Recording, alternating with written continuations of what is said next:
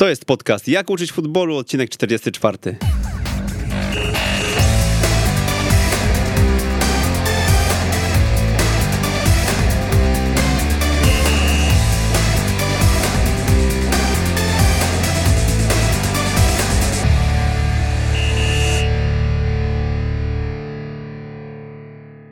Jak uczyć futbolu, odcinek 44. Dziś nadajemy z Legnicy, odległej od Warszawy, no ale, ale był powód, żeby tutaj się zjawić. E, Przemysław Mamczak, witam serdecznie. Dyrektora Akademii Miedzi, Wojciecha Robaszka. Dzień dobry.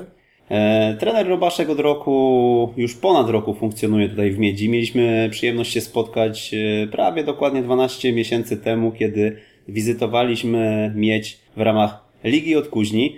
Może na początek krótkie przedstawienie Pana osoby, bo wcześniej niektóre e, osoby mogą kojarzyć Pana raczej z piłki seniorskiej, prawda? Tak, zgadza się.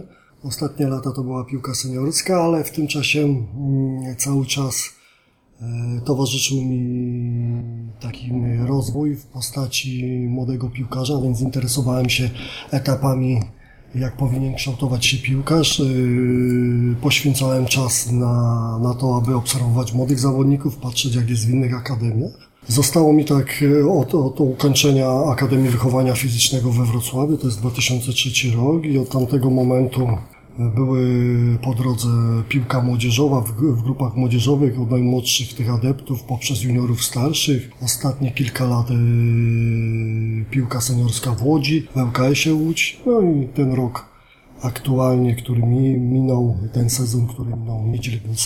Jest Pan dyrektorem, ale tak jak się mówi piłkarz grający, Pan jest dyrektorem trenującym, prawda? Czyli nie zawiesił Pan trenerskich e, butów na kołku. W zeszłym roku współpracował z zespołem juniorów starszych, teraz drużyna rezerw. Tak, dokładnie, dokładnie. E, Sama praca tak zwana administracyjna przy biurku to, to, to nie jest to, co mi w pełni sp- sprawia satysfakcję, więc e, układam to wszystko tak, aby być na boisku, być trenerem aktywnym, praktycznym. To w tamtym roku to dotyczyło rocznika U19. Od tego sezonu będzie to dotyczyło zes- zespołu drugiego w Miedzi Legnica, e, grającego w Trzecińcu. No dobrze, trenerze, to co się udało zrobić w tej miedzi e, w perspektywie ostatnich 12 miesięcy i całego sezonu pod Pana e, przodownictwem? Dobrze, no to e, zaczynamy od tego, że w piłce nożnej sukcesem są ludzie, to z, z ludźmi trzeba dobrze współpracować, no i tutaj skupiam się na trenerach. Wprowadziliśmy taki mm, cykl szkoleń e, zawodowych, rozwoju mm, osobistego, jak również e, takiego zawodowego. Przyjeżdżał e, pracownik, mu bym powiedział, z firmy pana Dodeo, który, który szkolił właśnie w takich przestrzeniach, Kamil Krążek. Uważam, że te, te szkolenia były fenomenalne, miały wpływ na to, jak ta teraz grupa funkcjonuje, jak ci trenerzy dążą do samodyscypliny, do rozwoju w aspektach zawodowych. Wprowadziliśmy szkolenia wewnętrzne, stricte już tylko trenerskie, bo to mm, te przestrzenie y, ze sobą się zazębiają, a więc jest bardzo duży nacisk położony na e, trenera jego rozwój. E, Ten pierwszy rok to było poznawanie tych wszystkich ludzi, to było tworzenie tego zespołu. E, Od tego roku jest e, jeszcze większy nacisk na stworzenie tego zespołu trenerskiego na jak najwyższym poziomie, bo im lepsi trenerzy, tym lepsze szkolenie, dzięki temu powstaje lepszy młody zawodnik. I to, to mówię i skupiam się na trenerach. Następnie prowadzony był taki, taka struktura akademii. Struktura akademii polegała na tym, że do U11 e, ta przestrzeń dzie- dziecięca miała swojego koordynatora i tam były stworzone filary, według których wszyscy trenerzy muszą pracować. Ogromne skupienie na metodyce, ponieważ dziecko w tym wieku bardzo dużo rzeczy się uczy, wszystkie rzeczy poznaje. I naszym zadaniem było wprowadzić tą metodykę w taki sposób, aby, abyśmy bardzo dobrze uczyli nasze dzieci prowadzić piłki, przyjmować, podawać, dotyczy to lewej nogi, prawej nogi, jak również, żeby się e, mogły cieszyć e, z przychodzenia na trening, odpowiednia ilość gier, żeby im towarzyszyła, żeby mm, nasze dzieci miały przyjemność e, z treningu piłkarskiego. Tam jeszcze mamy że tak powiem, zadania w stosunku do trenerów, postawy wycofania, więc nie ingerowania w dzieci, żeby dzieci nam e, pokazywały tą swoją kreatywność, tą swobodę, żeby ich nie ograniczać, a więc to już są stricte nasze wewnętrzne zasady, jeżeli chodzi o prowadzenie tej przestrzeni. Następna przestrzeń to jest do U15 e, z następnym koordynatorem, e, z ogromnym naciskiem na nasycenie podkreślam to słowo nasycenie, nie, nie, że dużo, nasycenie koordynacyjne i techniczne.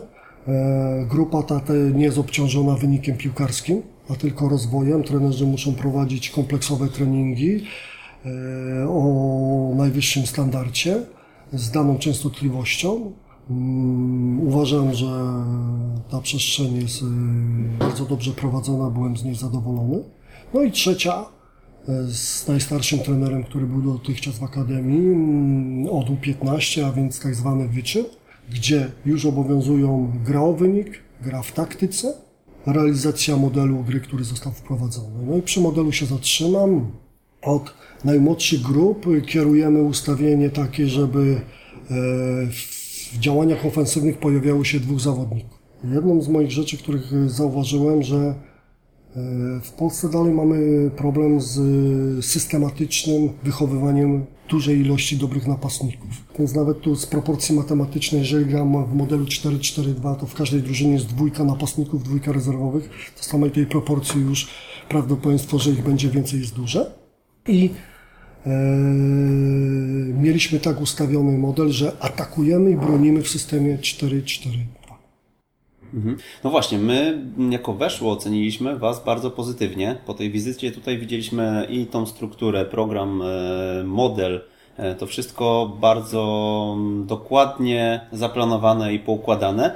Niemniej mam wrażenie, że pozostała część Polski dziwiła się e, tym czterem gwiazdkom.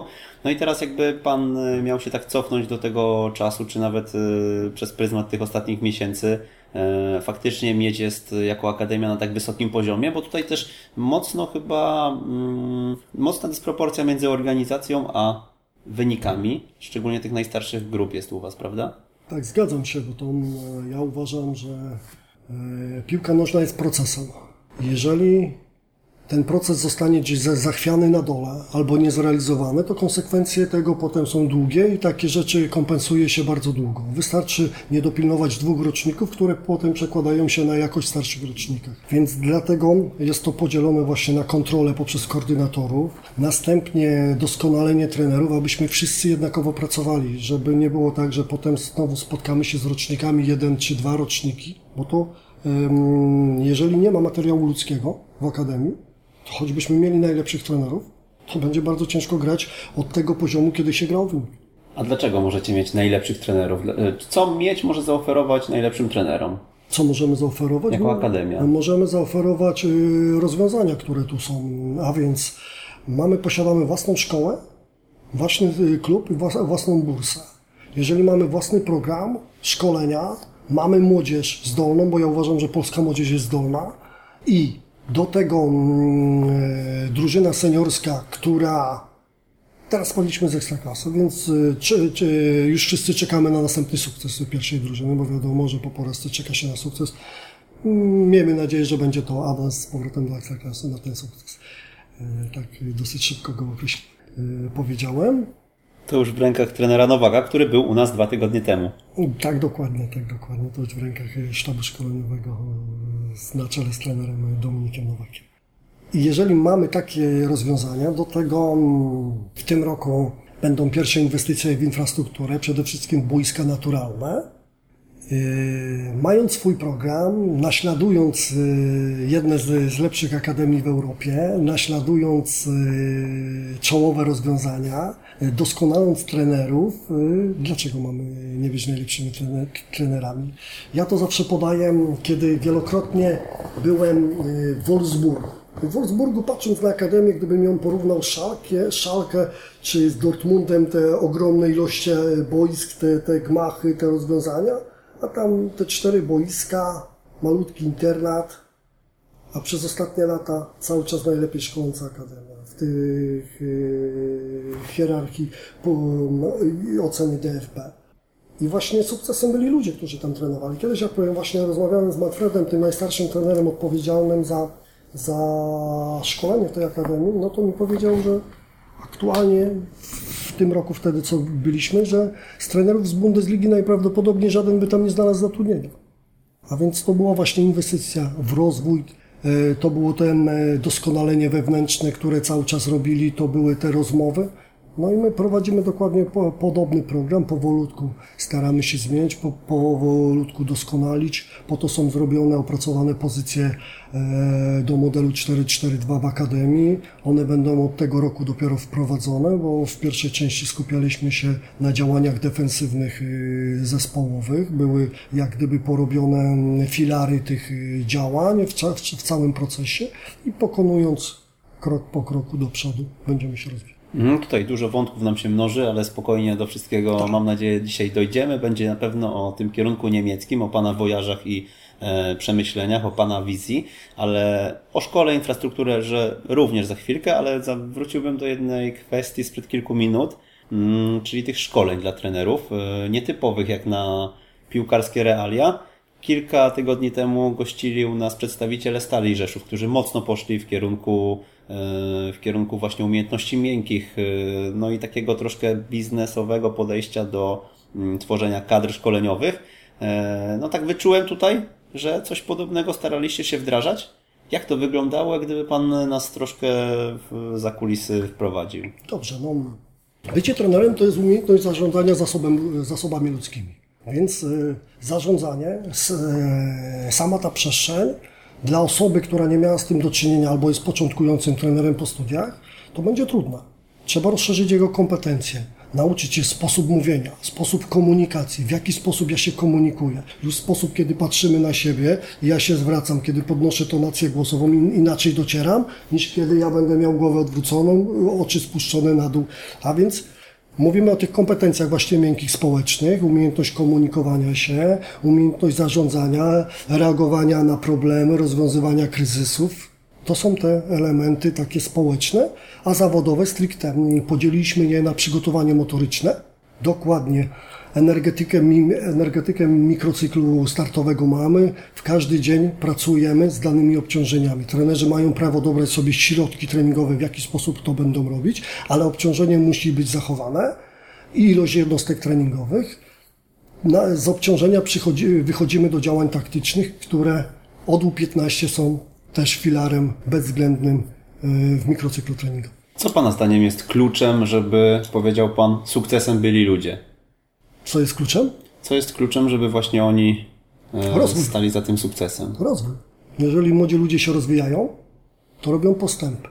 Jeżeli jest grupa osób, która się rozwija, robi postępy, wszyscy dookoła nich robią postępy, wszyscy zachowują się tak samo. Z, e, jak gdyby w jednych z tych takich szkoleń było, że nawzajem między sobą nie tolerujemy tego, że nam się nie chce że komuś się nie chce rozwijać, że komuś się nie chce pracować. Wszyscy razem jesteśmy odpowiedzialni za to miejsce i za to, co tutaj będzie. Stworzył Pan taką grupę ludzi, którzy wzajemnie się napędzają, którzy taką swoją ambicją wewnętrzną, motywacją e, ciągną kolegów e, ze sztabów w górę? Mm, już widzę całkowicie inne podejście do dnia codziennego i przede wszystkim widzę komunikację między trenerami. Trenerzy ze sobą rozpoczęli współpracę, współdziałanie, dokonali mi w ostatnim roku, sami działając, wiele konsultacji, dzięki którym e, te konsultacje miały na celu dokonania selekcji, wyselekcjonowania e, do danej przestrzeni w tej naszej Akademii nowych, zdolnych zawodników. Okazało się, że pojawiło ich się w tych e, grupach do U15 naprawdę dużo.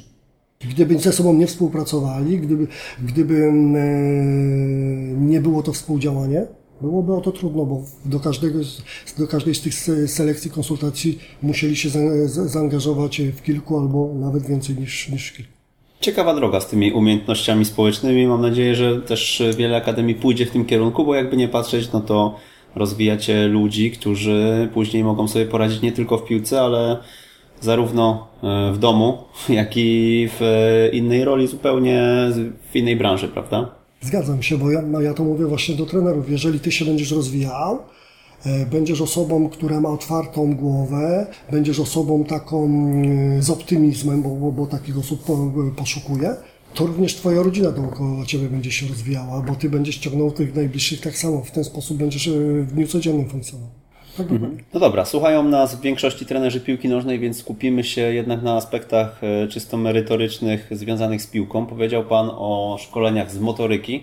E, tego zagadnienia, które mam wrażenie jest bardzo istotne w Pana warsztacie. Ja pamiętam e, przed rokiem ryzę papieru wydruku, wydruków e, z Polara. Polarowskie, tak. Więc, więc jak to u Was funkcjonuje w Akademii Miedzi? Jak Pan to weryfikuje i na ile właśnie trenerzy są wdrożeni E, w to, jak to powinno działać.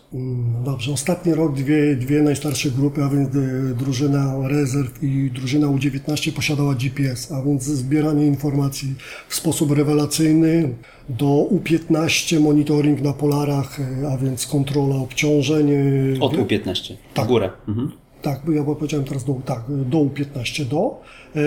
Poniżej nie kontrolujemy obciążeń w postaci mm, tych wydolno, wydolności, bo to, bo to nie jest nam potrzebne, ale y, staramy się mm, jak gdyby utrzymać intensywność e, jednostek treningowych w takiej postaci, aby y, kontakt z piłką, intensywność zajęć były na tyle satysfakcjonujące, żeby nasze dzieci mogły się rozwijać motorycznie. Dlaczego w warsztacie trenera Robaszka tak ważna jest właśnie fizjologia i ta energetyka i kontrola tych procesów już od U15? No bo ten moment jest piłką wyczynową. Aby była piłka wyczynowa, trzeba zoptymalizować e, proces treningowy tak, aby wycisnąć zawodnika jak najwięcej, przygotować go do jak najwyższego poziomu. Ja bym go przygotował do jak najwyższego poziomu, bez kontroli się nie uda. Bez przemyślanego treningu jeżeli tak jak w ostatnim roku U19 trenuje 6, 7, 8 jednostek treningowych w tygodniu, to jeżeli to będzie zrobione bez e, głowy, to jest kwestia dużych urazów, to jest e, za chwilę pewnie problem e, zdrowotny w postaci przemęczenia czy przeciążenia. Zasada jest jedna. W niedzielę rano ma być regeneracja. Zawodnicy mają się uczyć, jak, jaki styl życia prowadzić po meczu. Mecz w sobotę, tak? Mecz w sobotę. Mhm trening regeneracyjny zawsze w godzinach rannych. W godzinach rannych mają przyjść, mają przyjść z uśmiechem, mimo że są zmęczeni, biorą potem prysznic, zadowoleni wracają, reszta dnia jest wolna dla nich. Poniedziałek jest, są to obciążenia tlenowe, bezwzględnie. Wszyscy mają wyznaczenie progi tlenowe, które sam wyznaczam. Moja ocena sprawdzalności tego już jest z perspektywy lat yy, ponad 99%. Jak mhm. już patrzę, yy, jak wielu zawodników mi w tych progach biegało, jak wiele, bo wyznaczam to z BIP testu. BIP test jest też regularnie e, testem e, wydolności kondycyjnych, e, gdzie zawodnicy go biegają. Wtorek, środa koncentrujemy się, jest to dwa dni pracy interwałowej, wszystko jest na boisku i jest to rodzaj treningu, gdzie następuje E, gry, duża ilość gier i wszystko pod presją, blisko przeciwnika. A więc uczymy się grać, kiedy przeciwnik jest blisko, kiedy przeciwnik nie pozwala nam rozgrywać. Mam taką grę, gdzie w których grach nie można w ogóle grać do tyłu. Mimo, że jest pressing, już szukamy rozwiązań grania do, do przodu. To są te dni. Czwartek poświęcamy najwięcej na stałe fragmenty gry, które też bardzo lubię. Lubię znaleźć, znaleźć rozwiązanie, które potem potrafi być skuteczne w piątek przygotowanie do sobotniego grania, ustawienie taktyczne, ustawienie stałych fragmentów gry pod przeciwnika i tak mija tydzień za tym. Trener Paweł Grycman mówił e, na łamach Jak uczyć futbolu o tym, że brakuje jego zdaniem e, podwaliny właśnie tlenowej. Zgodzi się Pan z takim stwierdzeniem? Mm, moja ocena jest taka, że nie da rady pracować z zawodnikami tylko w interwałach. Interwał jest to wyciskanie zawodnika. Potem to jest um, przełożenie się na kontuzję.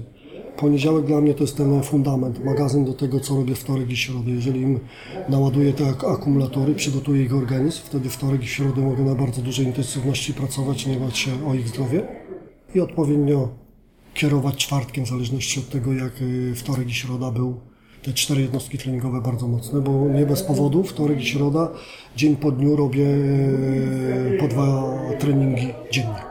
Powiedział Pan ładowanie akumulatorów w kontekście tego poniedziałkowego treningu e, tlenowego. To tak, po pierwsze, e, czy on się odbywa w grach, czy, czy w formach wyizolowanych bardziej? Jeśli tak, to w jakich? No i po drugie, czy faktycznie y, mówimy o około 30 godzinach po meczu, tak? Y, czy to jest ładowanie akumulatora? Bo tak y, gdzieś spotkałem się też z wieloma opiniami, że ten dzień jest takim regeneracyjnym rozluźnieniem dla zawodnika, szczególnie też w kontekście głowy. Zgadza się, ja, ja sam byłem uczony, że to jest druga doba, zawodnik ma prawo być zmęczony, nie powinien być obciążany. Już dzisiaj z praktyki wiem, że w pierwszych tygodniach może mieć adaptację, może mieć problemy, potem przystosowuje się i obciążenia tlenowe nie wyrządzają mu żadnej krzywdy.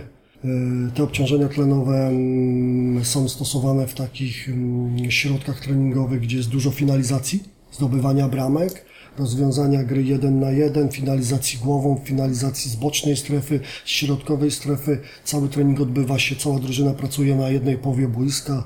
Zazwyczaj są to 3 do 4 bramek ustawionych. Oni się poruszają na niezbyt dużych przestrzeniach, tak żeby w tych y, swoich progach tlenowych y, móc się znajdować. Jeżeli wyskakują, to tylko na chwilę, bo to jest też pożądane i wracają do tych progów Czyli jednocześnie dla głowy jest to przyjemność, tak? No bo strzelać każdy lubi. Tak, tak, trzeba odpowiednio przygotować, przemyśleć tę tą jednostkę treningową i może się okazać, że, że ona jest bardzo przyjemna, ale występuje też w postaci ten y, przygotowanie tlenowe w postaci biegu ciągłego również. To jest jedyny aspekt, kiedy, kiedy się biega bez piłki.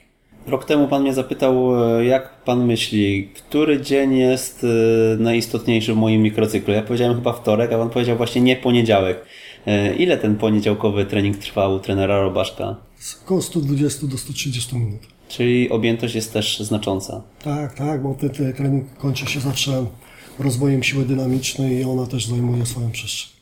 No dobrze, to my możemy się powołać zresztą tak jak Pan mówił i Pana uczyli pewnie na bazie portugalskiej periodyzacji taktycznej e, jednej strony medalu. Skąd ta druga i skąd to spojrzenie Pana poza doświadczeniami własnymi? E, dlaczego? E, to jest bardzo lubię fizjologię. Potem ona przeszła fizjologię wysiłku i skoncentrowała się tylko na piłce nożnej. Jak kiedy zobaczyłem, że te, te metody są skuteczne, zawodnicy są coraz lepiej przygotowani kondycyjni. Te metody mi się sprawdziły, to już teraz ja nie mam wątpliwości, że w ten sposób pracując, ja tym zawodnikom pomagam, ja ich rozwijam. Mhm. Myślałem, że odpowie Pan, że przywiózł y, to z Niemiec, bo wiem, że sporo Pan y, na stażach właśnie w niemieckich akademiach, klubach spędził. Może słówko o tym, y, jak ten kierunek niemiecki w Panu tak się zakorzenił. To było chęć poznania, mm, zapoznania się z tą piłką nożną, bo to już e, trwa ponad 11 lat obserwacji tego rynku.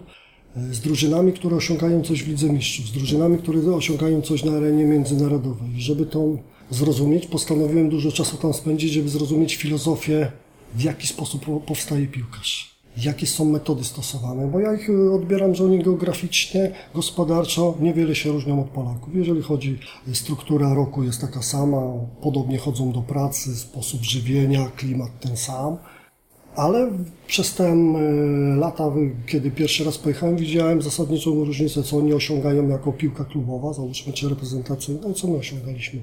I dzisiaj obserwując bo to tak najczęściej obserwowałem e, Akademię Schalke, Dortmundu, Borussii Dortmund i Wolfsburga.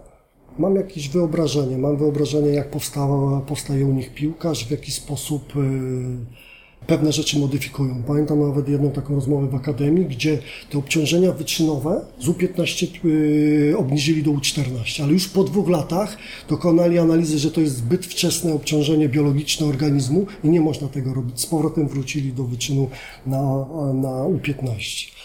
To są mm, taki, uważam, dla mnie bardzo wartościowy czas, bo zrozumiałem dokładnie zasady taktyki okay? jak ona jest zrobiona, jak jest metodyka, jak są rozwiązywane sytuacje w bocznych strefach boiska, kiedy jest pressing, kiedy jest ustawienie, załóżmy model na model 4-3-3 na 4-4-2. Te wszystkie rzeczy były robione i to zajmowało wiele czasu w obserwacji. To nie da rady zobaczyć, kiedy się pojedzie na 4-5 dni i powiedzieć, że ja już to widziałem, tylko potrzeba czasu jednego, drugiego wyjazdu, czwartego, piątego obserwacji.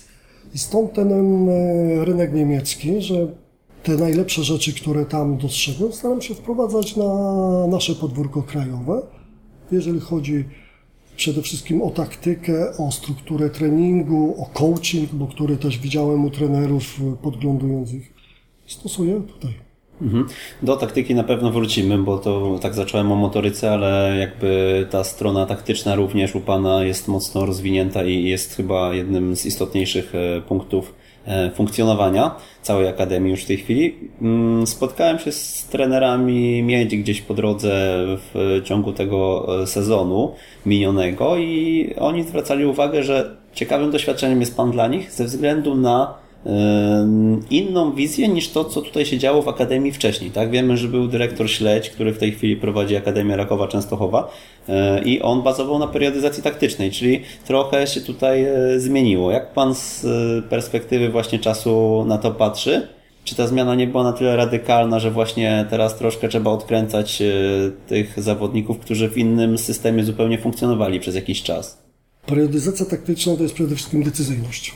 Tak bym to określił a więc z każdego systemu można coś zabrać, co jest najlepsze i komponować dalej. Ja bardzo mocno zwracam uwagę na kompleksowe zachowanie drużyny i na tworzenie, jeżeli chodzi o nie periodyzację, a na tworzenie działań na boisku w działaniach ofensywnych układu przewagi. To, co my jesteśmy potem w stanie dostrzec. Jeżeli nawet bardzo dobrze któraś drużyna się broni, a my umiemy tworzyć przewagę, czy to w bocznych strefach, czy w środkowej układu 2 na 1, 3 na 2, to jesteśmy w stanie zaatakować każdego rywala, nawet bardzo dobrze broniącego się. I to jest motto działań ofensywnych, a periodyzacja jeszcze taktyczna skupia się przede, przede wszystkim tam filarem są działania ofensywne. A ja uważam, że harmonia musi być między bronieniem i atakowaniem. Dzisiaj nie jesteśmy w stanie wygrać, jeżeli nie będziemy umieli prawidłowo się bronić, bo każdy przeciwnik jest groźny, już nie ma w piłce słabe uszy, wszyscy są przygotowani i przed każdym trzeba się umieć obronić i umieć go zaatakować. To a propos obrony, prawda czy mit? Bo słyszałem, e, że dyrektor Robaszek chce e, troszkę inaczej podejść do szkolenia i zacząć e, nie od właśnie budowania ataków pozycyjnych, w którą stronę idzie większość akademii piłkarskich, a od właśnie zdyscyplinowanej obrony. I teraz pytanie, na ile tutaj to stwierdzenie jest prawdą? Mm, precyzując, mm, prawdą jest to, że cała drużyna musi być za linią piłki, cała drużyna się e, musi umieć bronić, a więc napastnicy spełniają rolę również obrońców, kiedy nie posiadamy piłki. Ale to jest priorytet y, właśnie w Miedzi, czy, czy nie? Nie, jest to jeden z filarów za, za, zachowań drużyny Akademii w Miedzi. Wszyscy mhm. muszą e, reagować tak e, w ten sposób na boisku. Jak również mamy swoje zachowania w, zależności od tego, kiedy przeciwnik rozgrywa piłkę, kiedy zagra w boczną strefę, co się dzieje, które rzeczy muszą być spełnione. Ale tak? cały czas rozmawiamy też o tym najstarszym etapie w tej chwili, tak? Czy nie? E, w tym momencie tak, tak. Mhm. W tym momencie przekazuję tak, jeżeli chodzą, jeżeli w ogóle rozmawiamy o taktyce, to rozmawiamy o najstarszym etapie.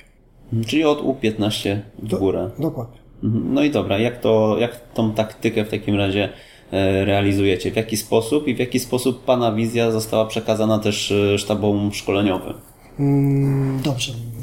Wizja została przekonana tak, że oprócz moich wypowiedzi e, do tego, jak chcę prowadzić akademię, były przygotowane materiały DVD w postaci modelu 442 i one były, opierały się o dwa kluby hiszpańskie, o klub włoski, jak również o, o klub angielski. Było pokazane, że na wysokim poziomie te rzeczy, które ja chcę wyegzekwować, te czołowe kluby wszystkie stosują.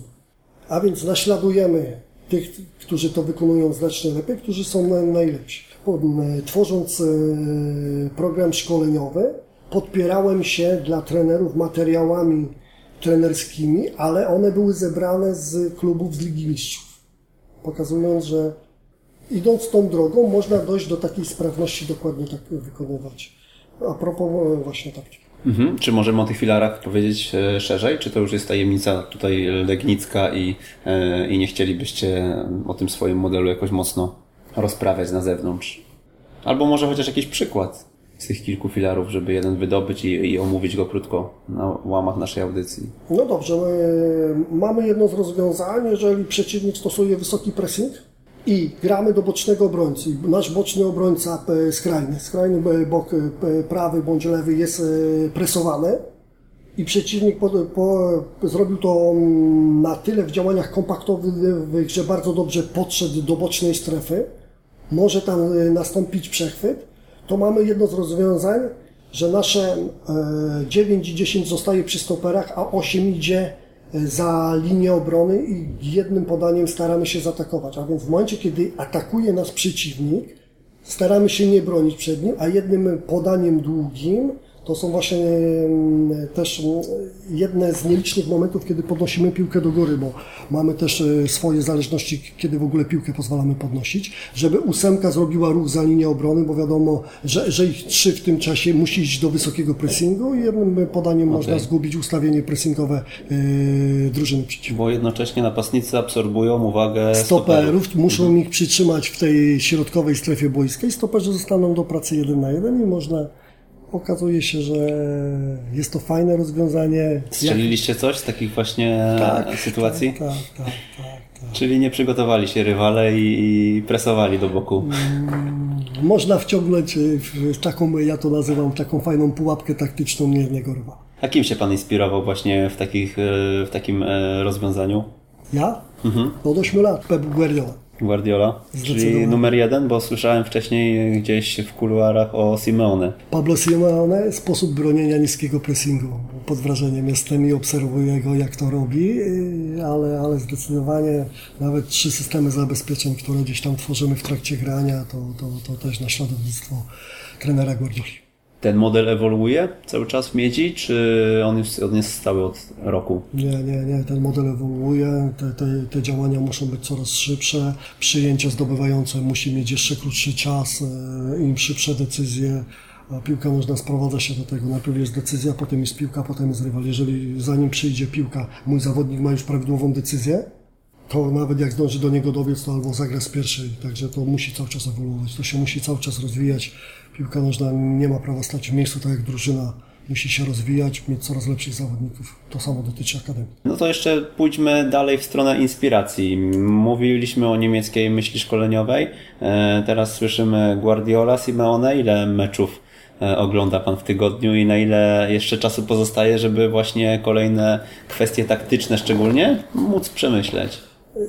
Już nie oglądam wszystkich meczów, ale oglądam na przykład mecze po poszczególnych drużyn, tych trenerów, których mnie interesuje. To, -hmm. jest, to, jest, to jest we włoskiej lidze śledzę Juventus od wielu, wielu lat.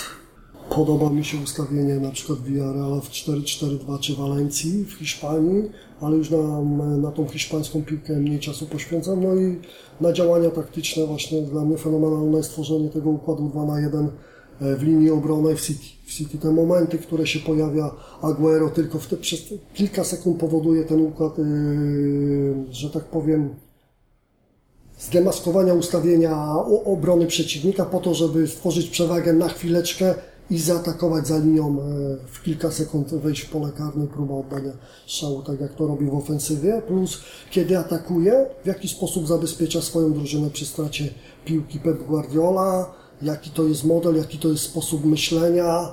Następnie tworzenie zabezpieczeń, kiedy przeciwnik atakuje z bocznej strefy. To wszystko widać, bo się zmieniają zawodnicy y, w jego drużynie, ale każdy, który wchodzi, widzę, że te zachowania ma podobne. Kiedy te rzeczy dostrzegam, a muszę powiedzieć, że zdarza mi się, że potrafimy to nauczyć tu też swoich zawodników, aby to było skuteczne.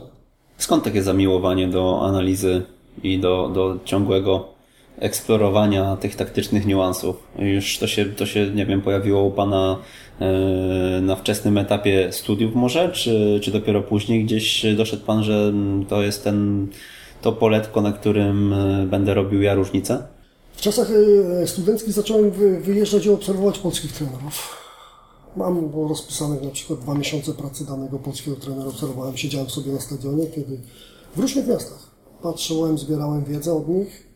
Myślę, że to, to, to, to było też bardzo wartościowe, a więc jak gdyby już tę um, pierwszą przestrzeń, kiedy się rozwijałem, jeszcze nie prowadząc żadnej drużyny, samemu biegając y, po boiskach.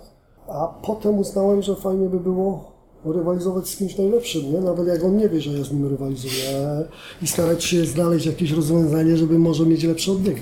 A jak to się stało, że w ogóle trafił Pan do Akademii e, z boiska po trzech awansach, e, z czwartej do pierwszej ligi, zdaje się, tak? W barwach ŁKS-u? Tam w ŁKS zakończyła się współpraca, jeżeli chodzi o pierwszy zespół. Była, miałem chyba pięć ofert pracy. I jednym z decyzji, która, która, która we mnie dojrzewała, e, żebym znaleźć się w Miedzie Legnica, to było też to, że w piłkę wciągnąłem moje dziecko, mojego syna, który ma teraz 11 lat i chciałem, aby on nie był szkolony przypadkowo, aby nie znalazł się w miejscu, gdzie ta jednostka treningowa, jedna i druga nie wynikają z czego, żeby ten proces miał e, takie wartościowe przełożenie. Dzisiaj jestem bardzo zadowolony, że pracuję w Miedzi i że mój syn jest tutaj zawodnikiem Miedzi. Ma Pan pełen przegląd, co się dzieje na bieżąco, tak? A zarazem yy, mogę więcej czasu obserwować moje dziecko, bo jak ktoś wie, że zawód trenera to nie jest taki zawód, gdzie naprawdę ma się dużo czasu, można spędzać go yy, z najbliższymi. To powiedzmy może jeszcze o Akademii Miedzi w kontekście takich suchych faktów. Y, macie własną szkołę, tak? Polega to na tym, że o jednej porze wszyscy zawodnicy wyjeżdżają na trening. Umożliwia to rotację między rocznikami, to już sobie ustaliliśmy przed rokiem. E, co jeszcze? Jakie możliwości daje szkoła? Szkoła daje możliwości to, że mamy podzielone jednostki treningowe na bloki. Z łatwością możemy korzystać z naszej infrastruktury. Do tego mamy autokary, które przewożą naszą młodzież między bazą treningową a bursą, żywieniem. Tam się właśnie żywi nasza młodzież po treningu, po, z powrotem wraca do szkoły. Druga rzecz, y, szkoła nam pozwala, abyśmy proces y, treningowy mieli jako filar podstawowy i do tego na przykład mamy stworzony proces edukacyjny, gdzie zaznaczam, Jesteśmy na wysokim e, poziomie zdawalności matur, e, jeżeli chodzi o i yy, procent uzyskanych wyników. Także jestem bardzo zadowolony, usatysfakcjonowany z tego, jak szkoła funkcjonuje, co się przekłada na to, że kształcimy fajnych ludzi. W naszym polskim systemie edukacji szkoła to jest też dla Akademii zawsze duże wsparcie finansowe, bo jakby nie patrzeć, trenerzy, którzy funkcjonują w grupach szkolnych, mogą liczyć na podwójną wypłatę, często z klubu, z akademii i drugą właśnie ze szkoły. Jak to się u Was e, kształtuje? Ostatnio był u nas e, prezes Escoli, e, byli przedstawiciele Stali, Stali Rzeszów, właśnie wspomniane już wcześniej. Jakie widełki może zarobić trener w Miedzie Legnica? No to są to zarobki między 3000 a 5000 zł. Okej, okay. i rozumiem, że to są też umowy o pracę. Mm, tak. Jeżeli chodzi o szkołę, są to umowy o pracę. Każdy trener zatrudniony jest na etacie w Miedzi? Yy, trenerzy, którzy są pierwszymi trenerami, pracują w szkole, wszyscy są tak zatrudnieni. Jest jeszcze taka grupa trenerów, tak zwanych asystentów, którzy są młodsi, dopiero wchodzą, oni troszeczkę na innych zasadach. Mhm. No a dlaczego to jest dla pan, Pana zdaniem istotne właśnie, żeby taką swobodę i stabilizację można było trenerowi e, za zaproponować i też na ile to było istotne, jak Pan się tutaj zatrudniał, e, że ma Pan w ręku właśnie szkołę, e, możliwości takie, żeby powiedzmy widełki finansowe były wyższe niż e, standardy w polskim szkoleniu. No dlaczego? Na początku rozmowy mówiliśmy o, o sukcesie w piłce nożnej, kto go tworzy ludzi. No to tych ludzi musimy mieć, którzy chcą w tej przestrzeni przebywać. Oni chcą tą przestrzeń rozwijać. Jeżeli oni się tutaj będą dobrze czuć, to oni tu będą z przyjemnością pracowali. Y, pierwsza podstawowa rzecz, trener powinien zarabiać 12 miesięcy w roku, mieć pensję i mieć możliwość urlopu.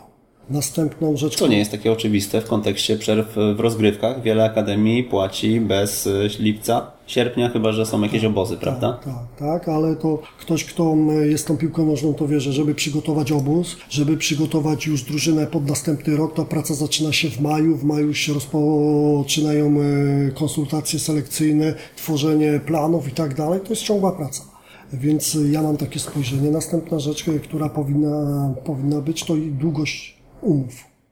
Jeżeli to są ludzie, którzy się rozwijają, są sprawdzeni, powinni się czy, e, czuć związani z tym miejscem, to jest następny etap. No i potem, mm, żeby ci trenerzy jak najdłużej pracowali, żeby im to sprawiało satysfakcję, żeby mieli mo możliwość gratyfikacji finansowych w zależności od wyników na, na zaangażowanie. No i jak słyszą nasi słuchacze, kolejne miejsce, w którym można rozwijać swój warsztat. Ja jeszcze dodam, że w sumie zdziwiłem się bardzo mocno przyjeżdżając do Legnicy, bo 47 minut pociąg e, e, pociąg Regio obrócił tę trasę, więc e, być może jacyś trenerzy z Wrocławia zainteresowani pracą w Miedzi mogą spróbować swoich sił. Jak do tego Pan podchodzi, jeśli chodzi o ten scouting trenerów?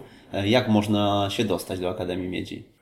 Są jak gdyby takie trzy etapy. Do tej pory, kiedy zacząłem to środowisko trenerskie obserwować, a wydaje mi się, że jestem wymagający w stosunku do trenerów. Pierwszy etap to są e, dwie rozmowy teoretyczne. One do, dotyczą, e, jedna rozmowa jest prowadzona ze mną, jedna rozmowa jest prowadzona z koordynatorem z danej przestrzeni.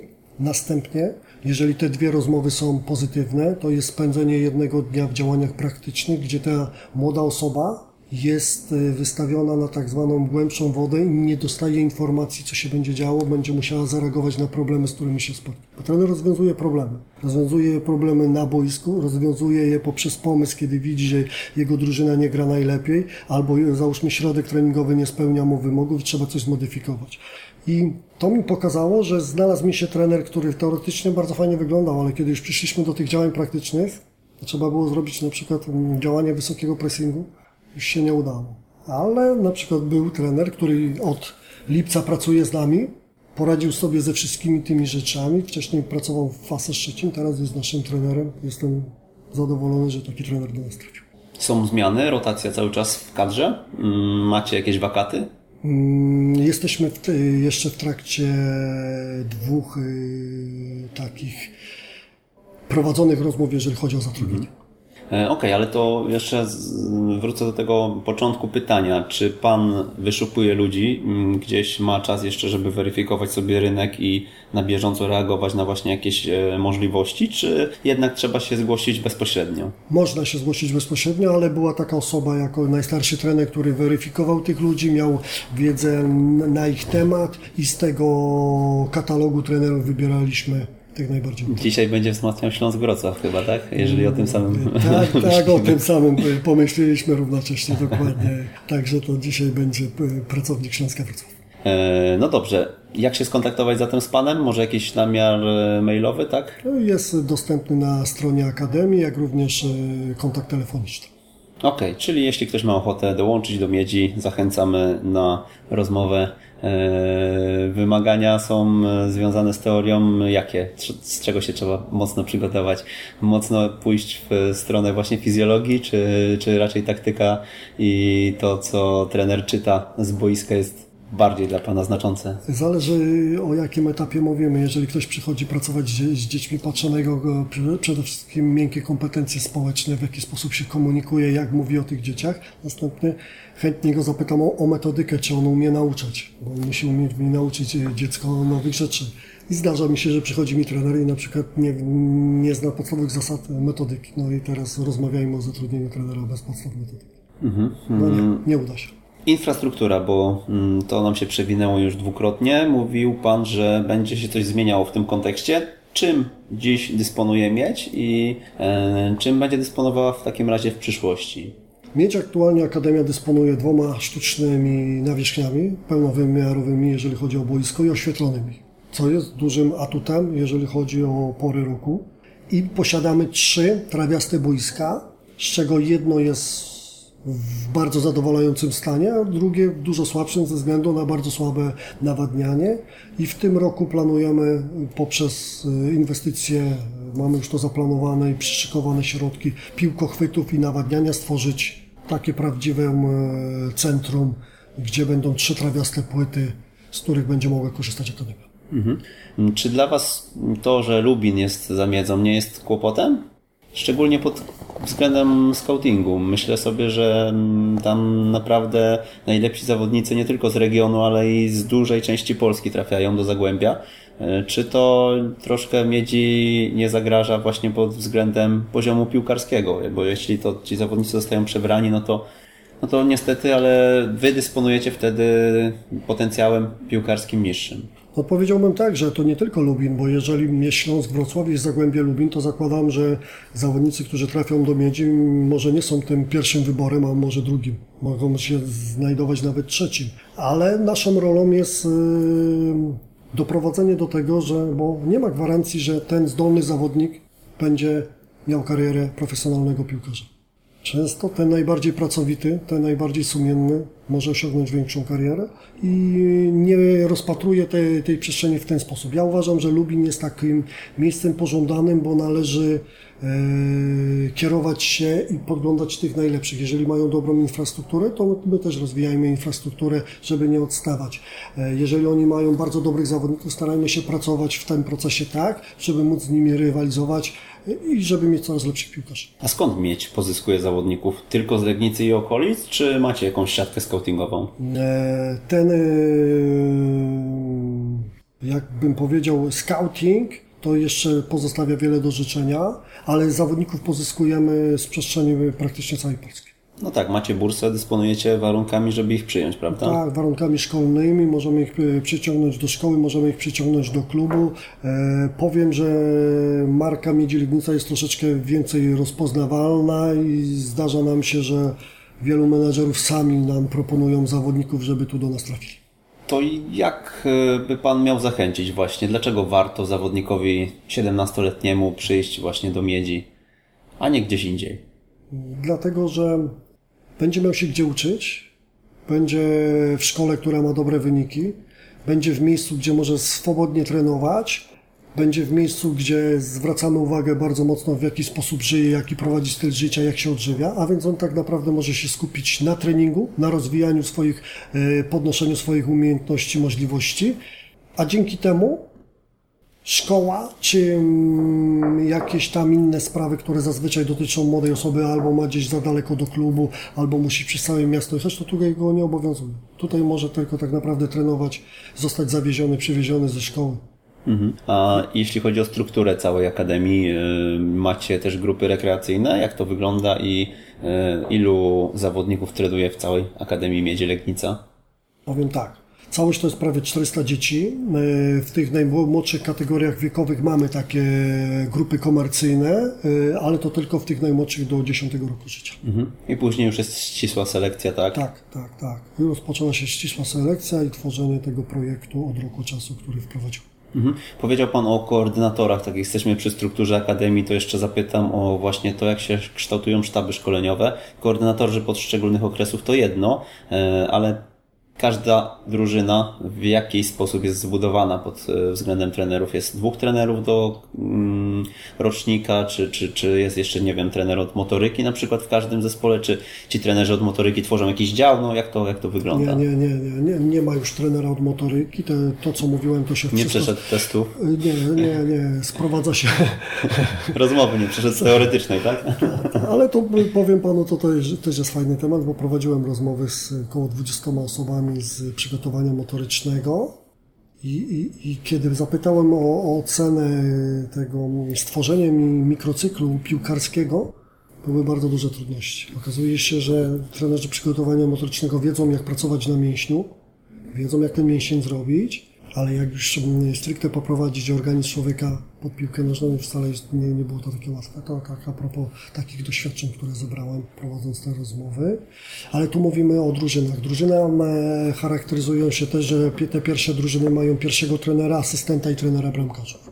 Jeżeli w roczniku są następne drużyny, to już może być e, pierwszy trener i asystent, albo jest na przykład e, pierwszy trener, jeżeli jest drużyna trzecia, wspomaga tam ten proces trener bramkarz. Mhm. A jak się rozwijać w takim razie w tych y, obszarach, o których Pan wspomniał, czyli taką znaleźć receptę na przygotowanie mikrocyklu typowo piłkarskiego, żeby pod kątem fizjologii to wszystko grało i y, na takiej rozmowie z Panem później y, mieć co do powiedzenia?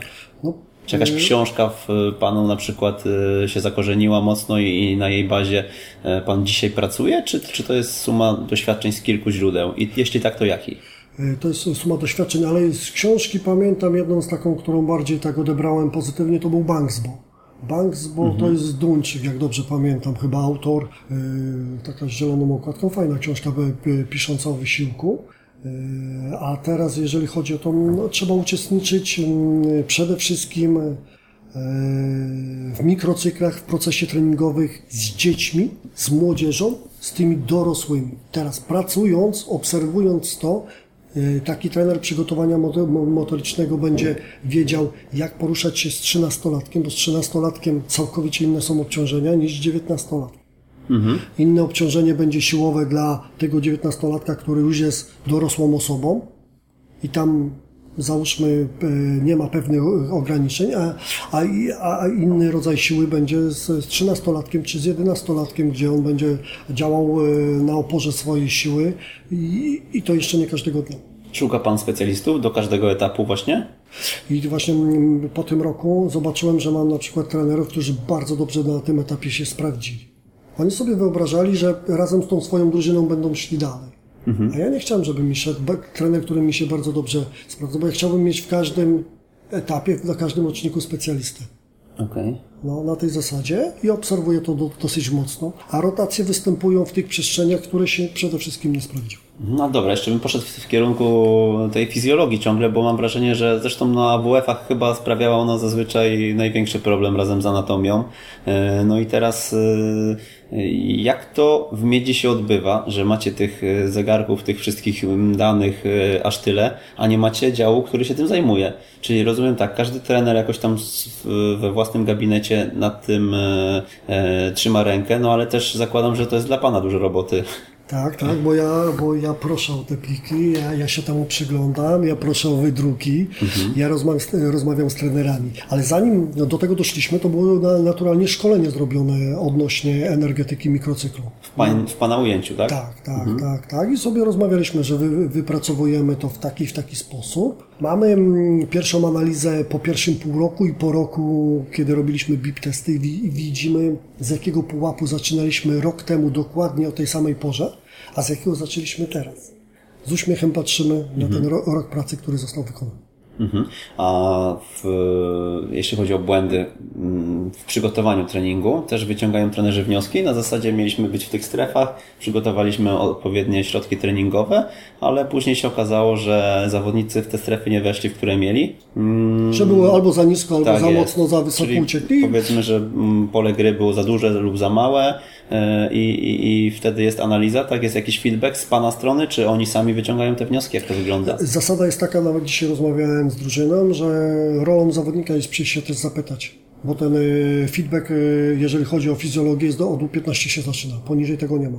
Nie ma potrzeby takiej, abyśmy w ten sposób prowadzili te młode organizmy, że on ma wiedzieć, w jaki sposób trenował i czy to jest już korzystne dla niego, czy załóżmy by było to zbyt mocno, bo to się przekłada potem na następne dni jego e, jednostek treningowych. Mhm, a to właśnie zawodnicy też wiedzą, na tyle są świadomi, jak mają pracować, bo e, też spotkałem się z takim podejściem, że to bywa e, mylące, że oni później starają się więcej skupić na zegarku i na tym, żeby wejść na, nie wiem, powyżej 170 na przykład, niż, niż na tym, co się dzieje na boisku i skupieniu właśnie na piłce. Nie, nie, nie, to, to, to, to jest inaczej. Trzeba im przekazać niezbędną wiedzę, aby ona im służyła. Tej wiedzy nie, oni nie muszą zbyt dużej posiadać i wytłumaczyć im, dlaczego to tak ma być. Czemu to służy. Jeżeli oni będą wiedzieli, czemu to służy, to będą starali się to zrobić dla siebie. Często mówi Pan, że ciężka praca to klucz do sukcesu. Mm, Dlaczego, Pana zdaniem? Futbol jest ogromny wysiłek. Futbol e, trwa bardzo krótko. Jeżeli wszyscy są przygotowani motorycznie do grania w piłkę, to ja muszę być bardzo dobrze przygotowany, żeby móc z nimi ry- rywalizować i to w krótkim czasie. Ponieważ ten młody wiek bardzo szybko mija. Jeżeli w tym młodym wieku gdzieś nie zaistnieje, mój czas minął, przychodzą następni, w piłce nożnej nie ma pustki. Ona jest cały czas zapełniana przez kogoś innego. Nieważne, chodzi to trenerów, zawodników, yy, bramkarzy, trenerów, bramkarzy. Tak po prostu to jest. I z doświadczenia wiem, że kiedy pracuję codziennie, właśnie to, to, to jest to, to, to moje, kiedy nie uznaję tych dni wolnych i pracujemy ciężko, to jest kwestia czasu, kiedy ta ciężka praca przynosi efekt. Ta ciężka praca zawsze się broni. Śmiano się tutaj na korytarzu, że e, u dyrektora Robaszka dzień wolny to od niedzieli do Rano. 10, tak? Do, Do- do po treningu do poniedziałku rano. Tak, no teraz do poniedziałku rano, kiedyś było do poniedziałku po południu, akurat teraz trenujemy wszystkie poniedziałki rano. No dobra, ale jak nie przedobrzyć? Bo wiemy, że mm, piłka to też prewencja i trzeba zwracać uwagę na, na różnice i indywidualizację mm, obciążeń Wy na to powiedzmy, że zwracacie uwagę od strony tej fizjologicznej, ale e, jeśli u kogoś występuje jakiś problem, czy mięśniowy, czy, czy, czy jakiś właśnie zalążek e, kontuzji, który może być spowodowany wieloma kwestiami, e, na ile jesteście w stanie to wyłapać i wychwycić w waszym systemie? E, to powiem tak, za tą przestrzeń powinni przede wszystkim odpowiadać fizjoterapeuci. Taką ilość fizjoterapeutów, do tej pory ich było trzech w Akademii, nie posiadamy tak bardzo mocno ale mm, posiadamy możliwość e, że tak powiem, reagowania na to, co, jeżeli się coś dzieje. Bo mamy odpowiednią konsultację i z doktorem, czy konsultację USG, czy możliwość obciążenia. Mamy salki, gdzie można ćwiczyć i w postaci prewencyjnej wzmacniać mięsień i wracać z powrotem do zdrowia.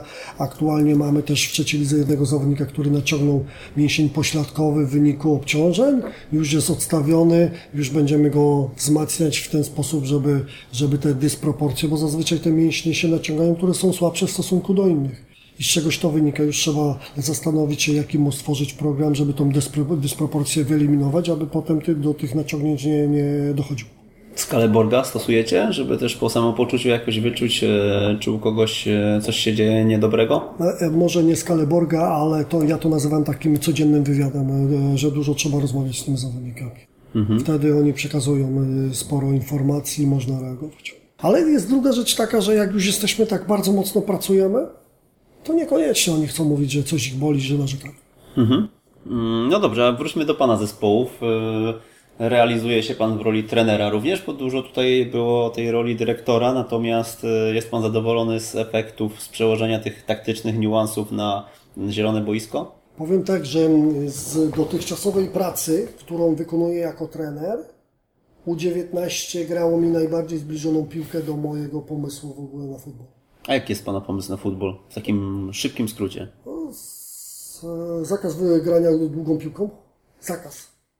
Chyba, że jest pres w bocznej, w bocznej tak, strefie. Tak, że, że, że wykonali mają, muszą mieć tam przewagę liczebną, że rozgrywanie, jeżeli przeciwnik ma przewagę mhm. liczebną, to jest e, szykowanie akcji dla przeciwnika, to oni wiedzą, kiedy to rozwiązywać. Tworzenie układu 2 na 1 i, co najbardziej lubię, od samego początku granie wysokim pressingiem. A więc najtrudniejszym elementem taktycznym jaki występuje. A do tego, jak wiemy, potrzebne jest bardzo dobre przygotowanie motoryczne. Czyli to jest I fundament. I testy biegane na poziomie już 16 poziomu levela, bo takie rzeczy mnie, jeżeli chodzi o wydolność, interesują. Pan się mierzy też z zawodnikami? Rusza Pan e, w teście? Yy, no, trzy razy udało mi się big test przebiec powyżej 15, tak, tak, ale już teraz myślę, że bym nie dał rady. Yy, ale uwielbiam sport, uwielbiam wysiłek, także systematycznie również dbam o to. Mhm, a mm, jeszcze zapytam w perspektywie lat, co od czasów ŁKS-u zmieniło się w Pana warsztacie i w spojrzeniu na e, szkolenie może, może nie nawet na piłkę, ale na szkolenie? Znaczy to ŁKS trzeba inaczej rozpatrywać, bo jeżeli gra się tylko o wynik i o dany realizację celu, to się to wszystko ustawia pod to, to się nie patrzy cel jest nadrzędny i najważniejszy do osiągnięcia. Jeżeli się rozwija młodzież, to jest jeszcze całkowicie inną rzeczą e, realizacja celu. Bo jego trzeba nauczyć tego młodego chłopca, aby umiał się odnajdywać, e, kiedy system gra na system, kiedy on jest atakowany, kiedy on musi umieć stworzyć wysoki pressing. Kiedy grałem o cel, o cel w LKS-ie, mogłem ustawić niski pressing i w niskim pressingu czekać na kontrę, żeby strzelić jedną bramkę i zadowolonym wyjechać. Dzisiaj kiedy by mi zespołu 19 grał niski pressing przez 75 minut meczu i wygrał 1-0, nie sprawia mi to satysfakcji. A czemu nie przedłużono kontraktu w LKS-ie z Panem? Czemu? Ja powiem to tak. Y, na swojej drodze spotykamy ludzi, z pewnymi ludźmi możemy się zaprzyjaźnić i do końca życia mieć fajne relacje. Ale spotkamy też takich, z którymi nigdy nie będziemy chcieli mieć do czynienia. Mhm. To jest moja odpowiedź. No, chociaż myślę, że to nie była łatwa decyzja też, yy, brzydko mówiąc, odpalić trenera, który zrobił trzy awanse, prawda? Zabolało? Mm, nie, to mi pokazuje, że e, piłka właśnie nie ma wolnych przestrzeni. Przychodzi ktoś następny, ktoś następny się zajmuje, a my już tworzymy swoją e, ścieżkę, swoją drogę, zajmujemy się swoimi rzeczami. Ja, ja tą piłkę lubię i nieważne, czy ja będę w Legnicy, czy będę gdzie indziej, dalej się będę piłką zajmował. A ma Pan sobie coś do, zarzucenia właśnie z okresu mm, pracy z seniorami w Łodzi? Jakby, jakby tak pan, no na pewno pan analizował, tak? Czy jakieś błędy były po drodze? No, na błędach najlepiej się uczyć, a szczególnie cudzych, dlatego też każdego tutaj w jak uczyć futbolu o nie wypytujemy. Jasne, jasne, że e, musiały być błędy, bo to nie da rady w piłce nożnej nie popełniać błędów. Przy prowadzeniu meczu można było na przykład dokonać lepsze zmiany w, kontekście, kiedy się e, potem e, zastanawiamy, jak, jakie zmiany dokonałem, e, co one dały. Następnie też na pewno były pomyłki przy transferach, ale wiele było trafnych. Y, Upartość moja, jeżeli chodzi o Rafała Kujawę, gdyby mnie Rafał nigdy by nie był w ŁKS-ie. Y, Upartość moja, kiedy z, po kontuzji złapał następną kontuzję Wojtek Łuczak. Upartość, żeby został Patryk Bryła, także to są y, jak najbardziej słuszne decyzje, ale na pewno też były takie, które mogły być mniej słuszne. Okej. E, Wraca pan do piłki seniorskiej na poziom trzeciej ligi i jaki jest e, wasz cel, jeśli chodzi o drużynę Miedzi 2? Czy ona ma ogrywać młodzież, czy będziecie chcieli, jak może Lech Poznań rezerwy, e, za chwilę wskoczyć do ligi drugiej? Odpowiedź trenerska bardzo dyplomatyczna. My będziemy chcieli wygrać najbliższy mecz. A poza tym, tak, wprowadzać tych młodych chłopców. W kadrze mam e, chłopców 2003, 2002, 2001. Trzech doświadczonych zawodników aktualnie przy zespole rezerw. E, Cenię sobie ich za właśnie wprowadzanie młodych zawodników, za pokazywanie im etosu pracy, za przygotowywanie się do jednostki treningowej, za profesjonalne funkcjonowanie na treningu i tak dalej. Oni mają właśnie w ten sposób tworzyć e, cały obraz tej, tej drużyny rezerw. W dużej mierze współpracuje Pan ciągle z tymi y, młodzieżowcami jeszcze, ale rok temu junior starszy. Cały sezon miał Pan do czynienia z zawodnikami, którzy do piłki seniorskiej dopiero mieli wkroczyć. Jakie widzi Pan różnice między tymi y, zawodnikami? Mówi się, że y, właśnie przejście do etapu seniora jest najtrudniejszym y, w piłce nożnej chyba. Ale to ja bym to postawił tak. Ja wychodzę z założenia, że nie ma słabych uczniów, są słabi nauczyciele. A to samo tutaj. Dlaczego my mówimy, że młodzież ma problemy z. Bo trenerzy nie przygotowali. Więc jeżeli moi chłopcy mają problemy z przejściem do piłki seniorskiej, to ja ich prawidłowo nie przygotowałem. Jeżeli odstają, odstają fizycznie, kondycyjnie, to nie jest odpowiedzialny za to ten młody chłopiec, tylko trener, który z nim pracował, więc ja. Tak do tego podchodzę. Jeżeli mają braki taktyczne, no, ich może jeszcze oszukać yy, tak yy, po piłkarsku zawodnik na boisku, który jest większym cwaniakiem, weźmie mi mocniej na zamach. Jest to zrozumiałe. Yy, jest to zrozumiałe. Ale za przygotowanie tego chłopca odpowiadają trenerzy. To gdzie Pan widzi największe braki w takim razie? Nauka e, prawidłowej gry pod pressingiem, nauka prawidłowej decyzyjności, która jest w procesie przygotowania i odpowiednie przygotowanie motoryczne. Młodzi chłopcy muszą trenować ciężko, ponieważ kiedy im przyjdzie zetknąć się z piłką seniorską, mają być do tego przygotowani. Odpowiednie oddziaływanie pod stresem, odpowiednie oddziaływanie w grze owej. Jeżeli to będzie prawidłowo te proporcje zachowane, on ma wejść w piłkę seniorską i sobie radzić. I to chyba też y, w dużej mierze wynika z tej strony niemieckiej, którą Pan y, się inspiruje, prawda? Tak, to akurat powiem, że Tam tak, obciążenia są y, faktycznie aż. Był Pan wielokrotnie w Wolfsburgu, właśnie w Szalkę, tak? Y, Te obciążenia w akademiach na poziomie U17, powiedzmy U- U15 są aż tak znacząco wyższe niż w polskich akademiach piłkarskich? Znaczy ja powiem tak, że jak już widziałem, e, sprowadzę to do drugiego zespołu i do U19, że oni pracują najmocniej w klubie. Bardzo duża intensywność. U18 i drugi zespół. Tak, U18, U19. I mówimy o Wolfsburgu w tej chwili, tak? Czy... Na przykład. Okej. Na przykład, że to ja widziałem te zajęcia bardzo mocne i ci zawodnicy dawali radę. Mhm. Ale te, te same metody sto- stosujemy już teraz tutaj. A miał Pan dostęp podczas tych stażów do właśnie szczegółów e, z zegarków na przykład? Czy, czy jak, jak te staże w ogóle, w jaki sposób się Pan tam dostał? Po e, jakichś znajomościach? Czy, czy próbował Pan się kontaktować, że tak powiem, z ulicy? Tak, w Dortmundzie jeszcze Peter Chybala pracował, e, kiedy się zaprzyjaźnialiśmy, mogłem sobie tam korzystać z wielu rzeczy poprzez tą przyjaźń. Peter teraz e, wyeliminował jeden z naszych polskich zespołów w europejskich pucharach. E, Jeżeli chodzi o Szalkę, zaprzyjaźniałem się z trenerem, który tam wychował Manuela Noja Lotarem.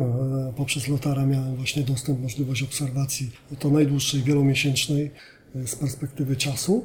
No i z jednym z trenerów, Manfredem w Wolfsburgu, e, to, to tam odbywałem takie typowe tygodniowe staże, ale miałem taką możliwość dostępu, gdzie zorganizowali mi jedną taką wizytę, gdzie mogłem przez dwie godziny zadać wszystkie pytania, dostać cały program szkolenia, rozmawiać pod względem e, obciążeń energetycznych, właśnie tej fizjologii, pod względem taktycznych, zapytać o każdy fundament, filar z, z danego etapu szkolenia.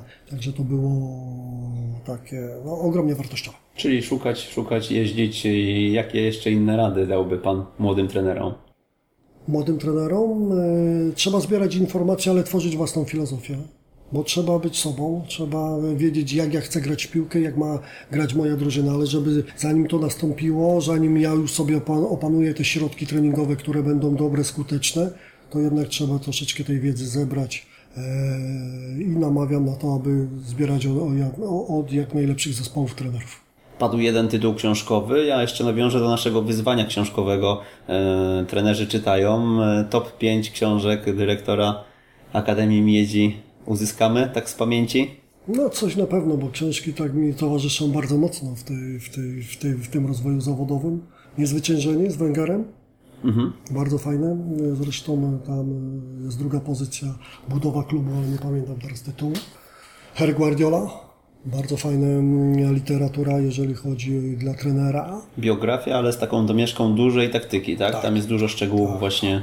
Gdzieś czytałem, że druga część ma się pojawić niebawem, z, tych, z tego czasu już w City. Tak, do City trzeba pojechać, zobaczyć, jak tam to wygląda. Uśmiecham się tak, bo już dwa razy jechałem, ale okoliczności życiowe mnie zatrzymały, także myślę, że w końcu się uda. Eee, Ferguson, to jest Alex Ferguson, chyba menadżer, nie pamiętam tytułu, ta z białą okładką. Mm, być liderem? Być liderem. Tak, tam jest kilka tych biografii. Jest autobiografia jeszcze, ale... Zgadza się. I dla- Na tą książkę bym zwrócił uwagę ze względu na zarządzanie ludźmi. To być liderem, Tak, tak, tak, dokładnie. tak. Tam jest e, kilka takich e, rozwiązań i podpowiedź. Ja je zabrałem, zabrałem je do dzisiaj. Czytałem wiele lat temu taką książkę, którą, w której jest opisywany Kazimierz Górski. Y, sposób, w jaki zarządzał, jak zbierał informacje. Fantastyczna rzecz, do tej pory sobie korzystam z tych rzeczy. Fenomenalny człowiek to musiał być. Fenomenalny A pamięta pan tytuł jeszcze tego? Yy, Książki nie pamiętam, bo tam jest opisywanych czterech trenerów, ale, ale ja sobie przyślę SMS. Dobrze, no to my to w e, notatkach do odcinka na ekstratener.pl kośnik 044 umieścimy całą listę pięciu książek i też pewnie w naszym e, facebookowym wyzwaniu. No a jakie są Pana cele i marzenia? Tak już dobijamy powolutku do końca audycji. E, Rola dyrektora to jest długofalowy temat, czy jednak jakby przyszła jakaś oferta z pierwszej ligi ekstraklasy, no to chciałby Pan się sprawdzić? Były oferty, proszę pana, nie mogę powiedzieć. Ale, Na tym poziomie? Aż? yy, Do czego zmierzam? Do czego zmierzam? Uważam, że zajmuję się bardzo trudnym projektem i spróbuję go doprowadzić do końca, żeby mnie satysfakcjonował, w jaki sposób go zrealizowałem, a podchodzę do niego bardzo ambitnie.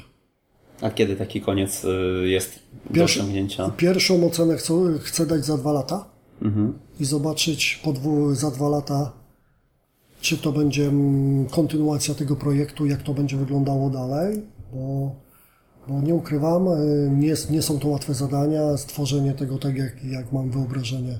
Y, A chciałbym, żeby to nie było przeciętne miejsce, żeby tu nie wychodzili stąd przeciętni zawodnicy, więc wymaga to ogromnego, ogromnego zaangażowania i ogromnej, ogromnej pracy. Mm, Jak wygląda Pana dzień? Więcej spędza Pan czasu na boisku, czy jednak w gabinecie? Zaczynam o 7.30, kiedy idzie pi- pierwszy blok treningowy. Często jestem na boiskach, obserwuję tą e, przestrzeń. Następnie e, już wieczorem jestem przygotowany do jednostki treningowej, której sam zaczynam. A więc koło godziny 9 mam zbiórkę, zaczynamy jednostkę treningową e, ze swoją drużyną. Po jednostce treningowej e, jest posiłek, obiad, przygotowanie do dalszej części dnia i koło godziny 13 zaczynają następne bloki e, treningowe. Bardzo często jestem wśród tych bloków treningowych. W godzinach popołudniowych zaczynają się jednostki te, kiedy pra, trenują dzieci. U tych dzieci y, bardzo lubię przebywać, patrzeć jak te dzieci biegają po boiskach. Właśnie jednym z celów moich jest, żeby te dzieci moje biegały tylko po naturalnych boiskach, nie po żadnych sztucznych. Po drodze zawsze są spotkania, po drodze zawsze są problemy, które trzeba rozwiązać. Dzień się kończy po 21. I co na to żona? Syn pewnie zadowolony, bo jest ten blok o 13, tak? Gdzie się z tatą widzi. Tak, Raz, tak. raz na któryś dzień pewnie. Tak, widzi się, widzi się. Staram się jeszcze znaleźć y, w skali tygodnia zawsze te kilka godzin, żebyśmy razem jeszcze wspólnie jakąś technikę porobili, pobiegali po boisku. A moja małżonka Ola jest nauczona piłki nożnej. Zaczęło się to od momentu, kiedy byliśmy razem w Brazylii, kiedy była blisko mnie, kiedy popatrzyła jak to wygląda, a potem kiedy pracowałem w ŁKS-ie jeździła na mecze, nawet zdarzało jej się pojechać na wyjazd, żeby obejrzeć mecz kibicować. No i widzę, że futbol ludzi towarzyszy w dniu codziennym. A w Brazylii byliście w celach e, turystycznych? Czy... Nie, nie, przy piłce nożnej pracowałem. Ściągnął Tak? mnie Bohumil Panik. O, do- to ciekawa historia, może też rozwiniemy. y, To, to w ogóle to jest taka historia. Byłem w Szczecinie i zapukałem do trenera, który był, nie wiem, chyba wtedy był jedynym obcokrajowcem. Zapytałem się, czy mógłbym porozmawiać z nim o tym, jak się przygotowuje do meczu, jak robi odprawę. Tak spojrzał na mnie, zaczęliśmy o tym rozmawiać. To jest godzina popołudniowa i ten, te, ten dzień i noc nam się skończyła trzecia rano, i kiedy jedliśmy pizzę i dalej rozmawialiśmy o piłce nożnej. I teraz proszę posłuchać. Ja pracuję wtedy w Lidze Wojewódzkiej Juniorów Starszych w Piotrkowie Trybunalskim, prowadzę juniorów starszych, mam mecz, odprawa, ktoś mi puka do szatni, to jest parę miesięcy później, nie pamiętam, ze dwa, trzy. Trener Bohumil Pani pyta się, czy mógłby posłuchać mojej odprawy, czy mógłby w tym uczestniczyć, proszę. I za jakiś czas potem e, chciał jednego polskiego trenera e, w Brazylii, to, to padło na mnie. Do tej pory się przyjaźnimy. Byłem teraz na jego finale Banika Ostrawy ze Slawią Praga w Czechach, e, także wymieniamy się właśnie bardzo dużo tymi informacjami trenerskimi. Ten rynek czeski jest dla mnie też taki trenersko, że tak powiem, pożyteczny. No takie historie są na pewno inspirujące, pokazują, że warto, warto drążyć, warto rozmawiać, warto szukać. A jaka była Pana rola jeszcze w tej Brazylii? Ile to czasu trwało? Czas ten kontaktu z Brazylią był dwa lata. I Aż dwa lata tam? Tak, tak, całościowy. E, No i potem zostałem takim pierwszym trenerem tej akademii, prowadziłem te... Jaka to była akademia? To było związana Akademia z Antkiem Ptakiem. Aha. Tak. I to zbierałem sobie tam też takie doświadczenia, sporo meczy grałem na terenie Euro. Także wspominam to jako, jako rozwój w ten sposób. To jeszcze na koniec już wracając do Akademii Miedzi, co jest dzisiaj problemem e, dla Was, jeśli chodzi o funkcjonowanie bieżące? Podstawową rzeczą to, są, to jest infrastruktura. Chciałbym, żeby infrastruktura była na dużo wyższym poziomie, jeżeli chodzi o bursę, żeby ona była taka, nazwijmy to, hotelowa, internetowa, że tu możemy, możemy mm, z łatwością przyciągać e, jak najlepszych zawodników. No i jeżeli chodzi o boiska naturalne, to chciałbym, aby tych boisk było więcej, aby bramkarze mieli swoje przestrzenie, gdzie mogą trenować, gdzie mogą, e, bo prowadzimy swoją, tutaj bardzo duży nacisk jest mieć położony na szkolenie bramkarzy. Został stworzony taki pion, została stworzona taka szkółka bramkarska, aby dla tych wszystkich e, działań było miejsce. Wojciech Robaszek, dyrektor Akademii Miedzi Legnica i trener drugiego zespołu Miedzi, występującego na co dzień w trzeciej lidze. Czego życzyć trenerze na ten sezon? Wygrania najbliższego meczu. I tym kończymy 44. odcinek Jak uczyć futbolu. Dziękujemy raz jeszcze. Dziękuję. Ja nazywam się Przemysław Mamczak i zapraszam do audycji o szkoleniu w kolejny czwartek o 16.